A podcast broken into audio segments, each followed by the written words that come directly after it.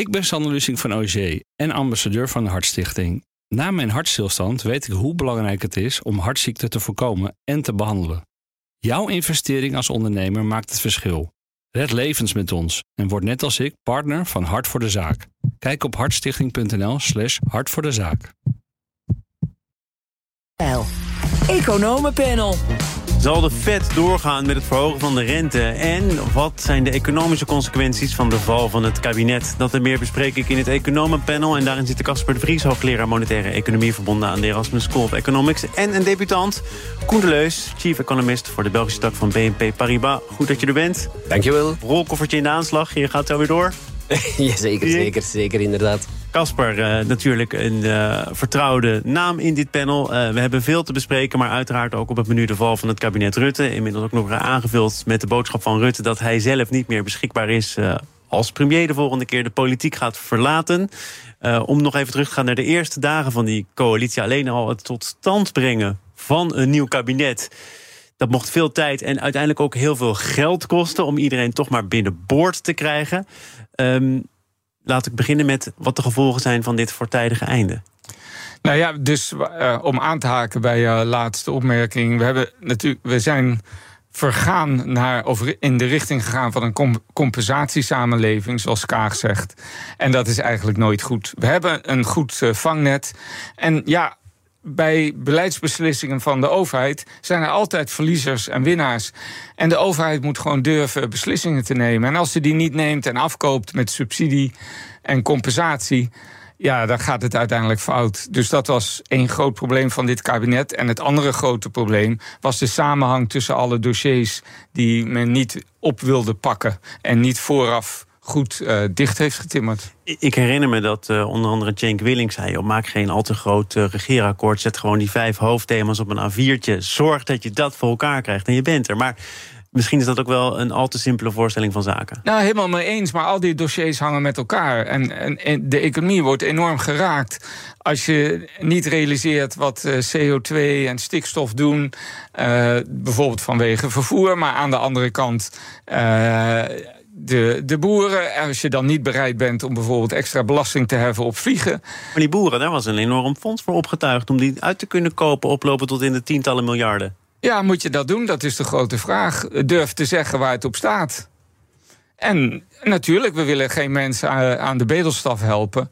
Maar dat valt denk ik bij de boeren ook nog wel mee. Ze hebben een heel effectieve lobby gevoerd. Maar ja, dan moet je als kabinet durven zeggen... tot hier en deze maatregel nemen we. Hoogleraar Bas Jacobs, ook lid van dit panel... Uh, noemde Rutte 4 in Vrij Nederland een kostbaar misbaksel. Ja, nou ja, daar ben ik oh, het dus mee eens vanwege die... Ja, dit, alles, alles werd afgekocht met subsidie... in plaats van normen te stellen, uh, belastingen te heffen... Uh, op uh, ja, zaken die voor het milieu niet goed zijn. Van een afstandje, de, de, de Belgische blik. Koen, hoe kijk jij naar wat er vrijdag is gebeurd met de val van het kabinet? Ook het einde van een tijdperk om die grote woorden maar te gebruiken. En nu premier Rutte heeft gezegd, ik verlaat de politiek. Ik kan me voorstellen dat jij er toch met enige distantie naar kijkt, maar... Inderdaad, Wat denk nee. je? Wel, um, ik, ben, ik, volg de Nederlandse economie nog niet, binnenkort wel nog niet, van heel uh, nabij op. Maar wat ik wel zie, is dat inderdaad, niet, niet alleen in de politiek, maar in heel het economisch gebeuren, er veel meer volatiliteit is. Veel meer volatiliteit en inderdaad, zoals u aanhaalt, er zijn heel veel zaken die afgekookt worden. Waarom? Omdat er ook heel veel zaken veranderen. En als we dan gaan kijken, je hebt de klimaattransitie, je hebt de vergrijzing, je hebt migratie, je hebt geopolitiek en al die zaken liggen zeer moeilijk. En inderdaad, daar is het een beetje geven en nemen.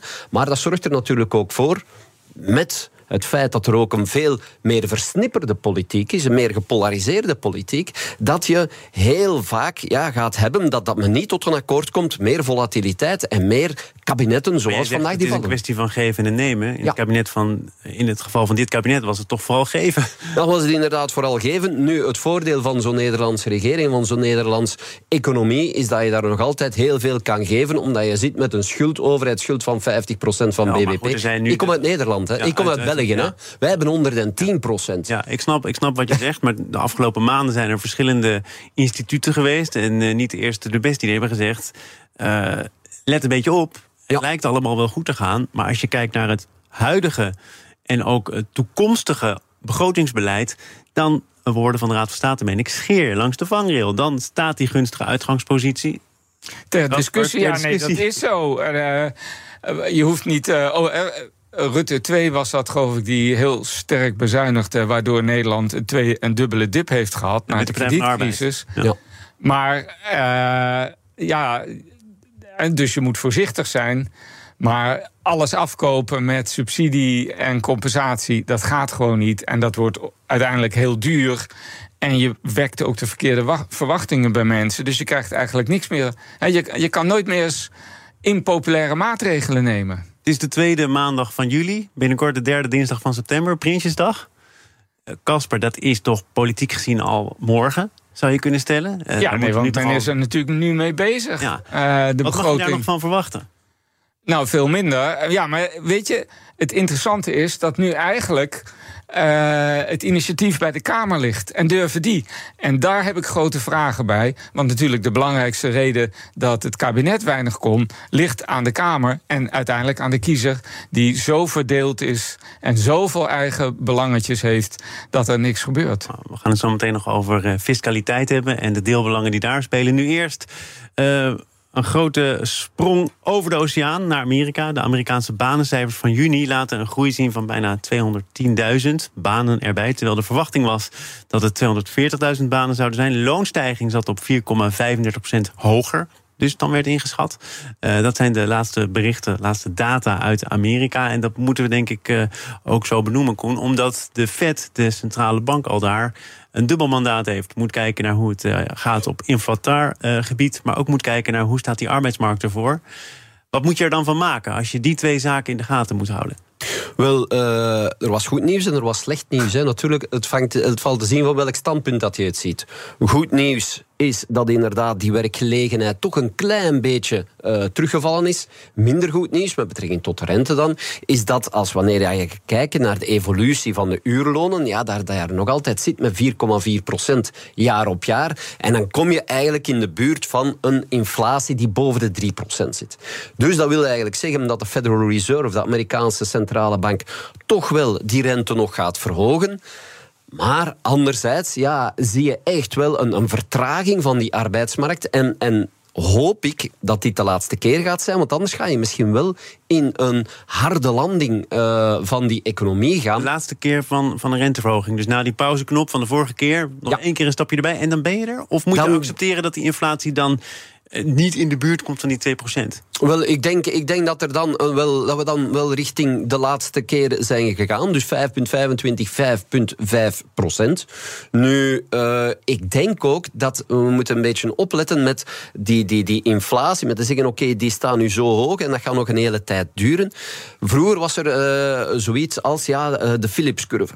Die is er nog altijd. De Philips-curve, u weet dat, u kent dat even goed als ik. Die draait en... en... Voilà, voilà. Ja, zijn, dat is het jullie zijn natuurlijk heren. Philips Curve op maandagmiddag, dat moet zomaar kunnen. Maar voor de luisteraar die de ja. Philips Curve toch niet meer helemaal uit de boekjes weet te vissen. Ja. Het, het, het belangrijkste is gewoon dat een renteverhoging nu pas over een jaar echt doorwerkt. En het probleem voor de centrale bank is om dat in te schatten. Ja. En dat is gewoon heel moeilijk. Uh, ten maar Waardoor je nu te, te, hard zou kunnen gaan. Ja, als je nu te hard inzet, dan, dan, dan keel je de. Maar ik herinner me Paul van, laten we zeggen, een half jaar geleden. Die zei: wij gaan, ik, ik, ik ga echt niet te vroeg stoppen. Want dat is de les van de vorige ja, keren. Nee, dat klopt. Ik ben eerder van tandje erbij dan tandje eraf. Nee, dus de Fed heeft een paar keer, al, al in de jaren 30, maar ook in de jaren 50, te vroeg weer terug, een stapje terug gedaan. Waardoor die inflatie toch weer de kop opstak. Dus, maar het is een heel moeilijke afweging. Ben ik helemaal met Koen eens. Uh, wanneer, uh, wanneer ben je ver genoeg gegaan? Het is wel zo dat de Fed zich wat meer ruimte heeft verschaft dan vroeger. Maar ja, juist in een hoogconjunctuur zouden ze harder op de rem moeten trappen. En dat doen ze nou ja, misschien toch nog wel onvoldoende. Nou, is dat ook eh, jouw well, opvatting? Ik ga toch nog even terugkomen op die Philips-curve. Dus de Philips-curve, u vroeg... Ik, voilà, van, voilà, ik denk dat de luisteraars dat effectief op aan het wachten zijn. Voilà. Je hebt een afweging ten opzichte van inflatie, inflatie versus uh, werkloosheidsgraad. Hoe hoger dat de inflatie gaat, ja, hoe meer dat je moet gaan remmen en moet je gaan zorgen dat die werkloosheidsgraad ook een klein beetje de hoogte ingaat. Nu, dat verband dat is eigenlijk niet zo, zoals u inderdaad ook terecht hebt niet gezegd. Stabiel, het is niet stabiel. Je gaat eigenlijk een, een, bij een, een stijgende werkloosheidsgraad, of bij een dalende werkloosheidsgraad, ga je inflatie stabiel krijgen, tot op een bepaald moment dat je zeer lage werkloosheidsgraad hebt en dan ineens gaat die inflatie opschieten. En dat is hetgeen wat je omgekeerd ook kan hebben. Dat is een kink in die kabel, kink in die Philips-curven.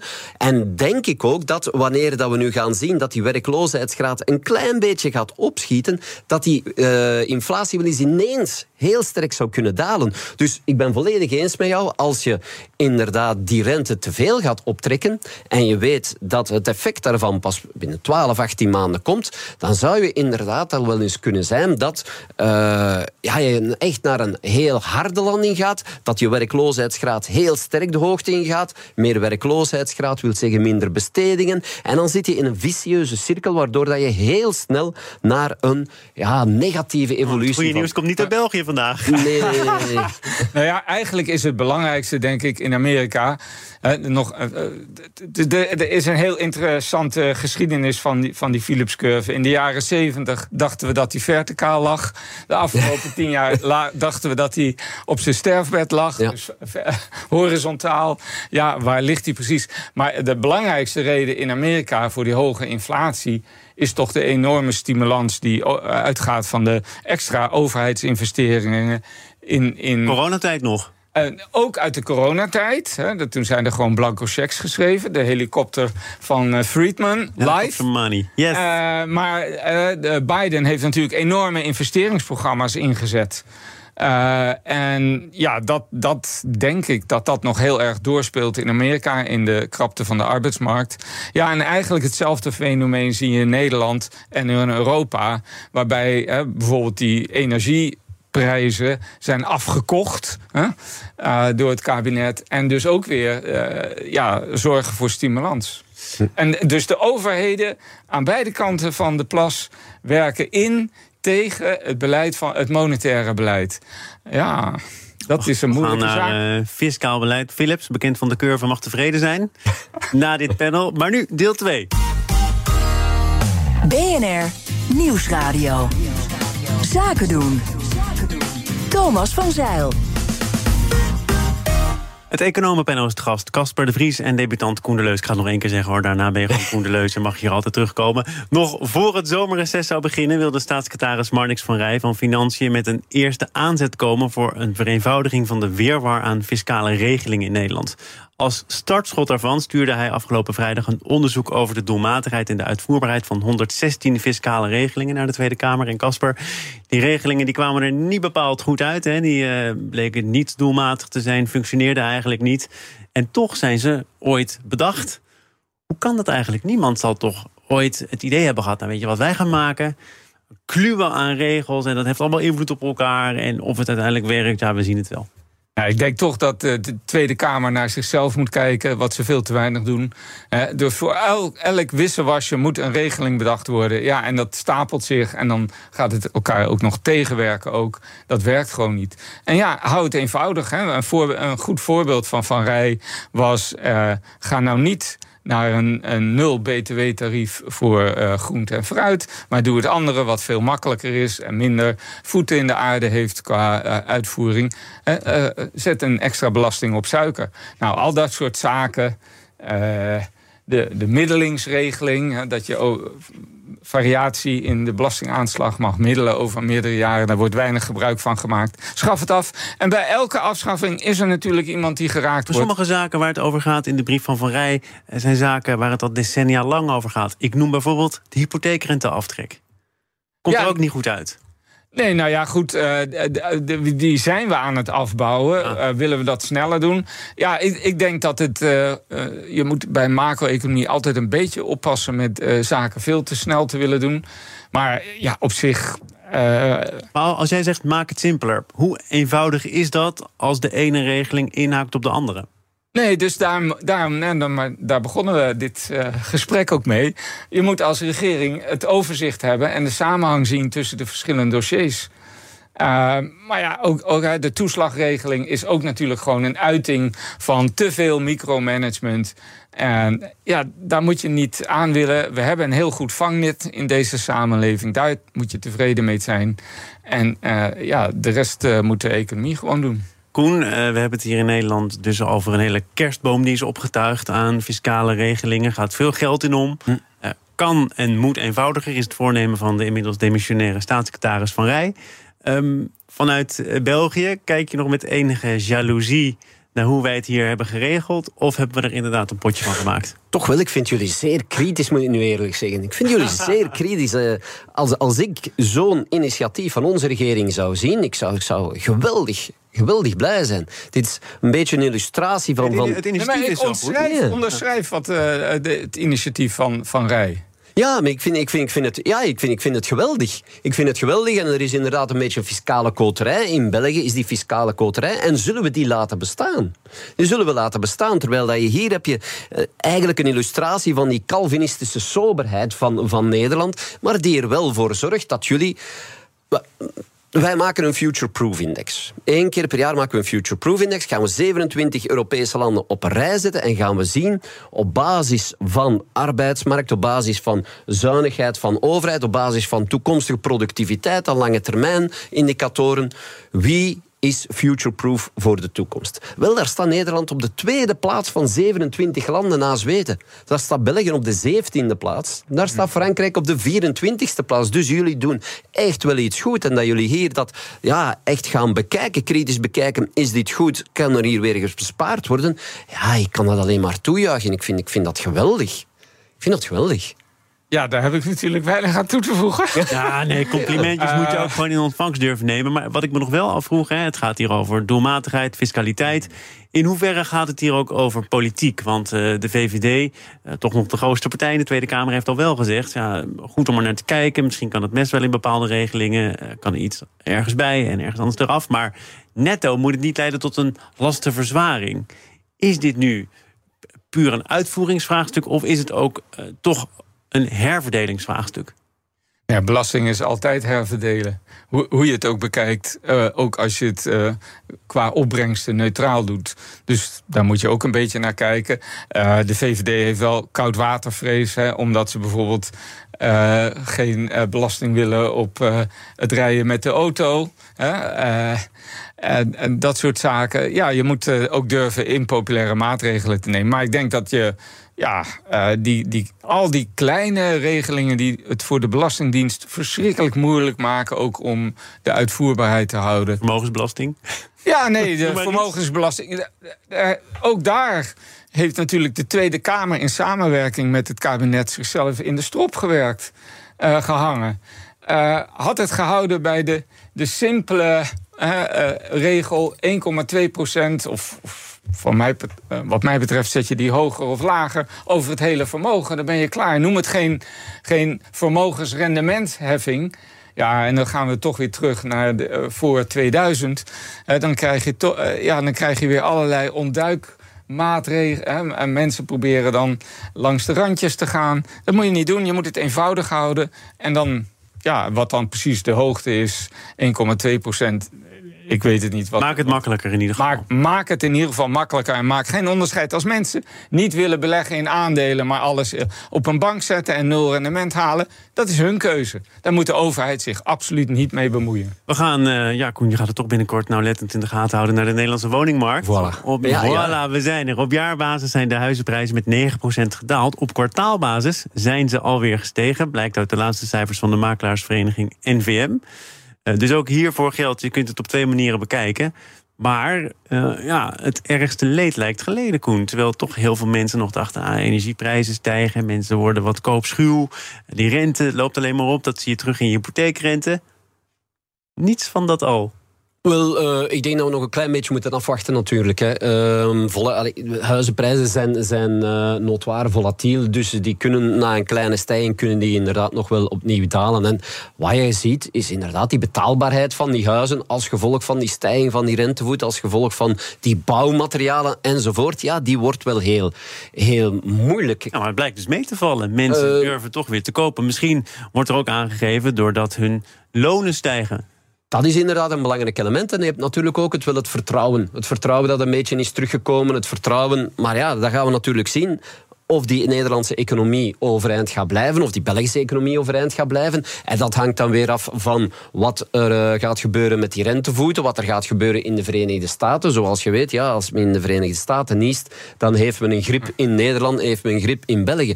Dus zolang dat, dat vertrouwen inderdaad aan het herstellen is, denk ik inderdaad dat die uh, huizenprijzen kunnen stabiliseren.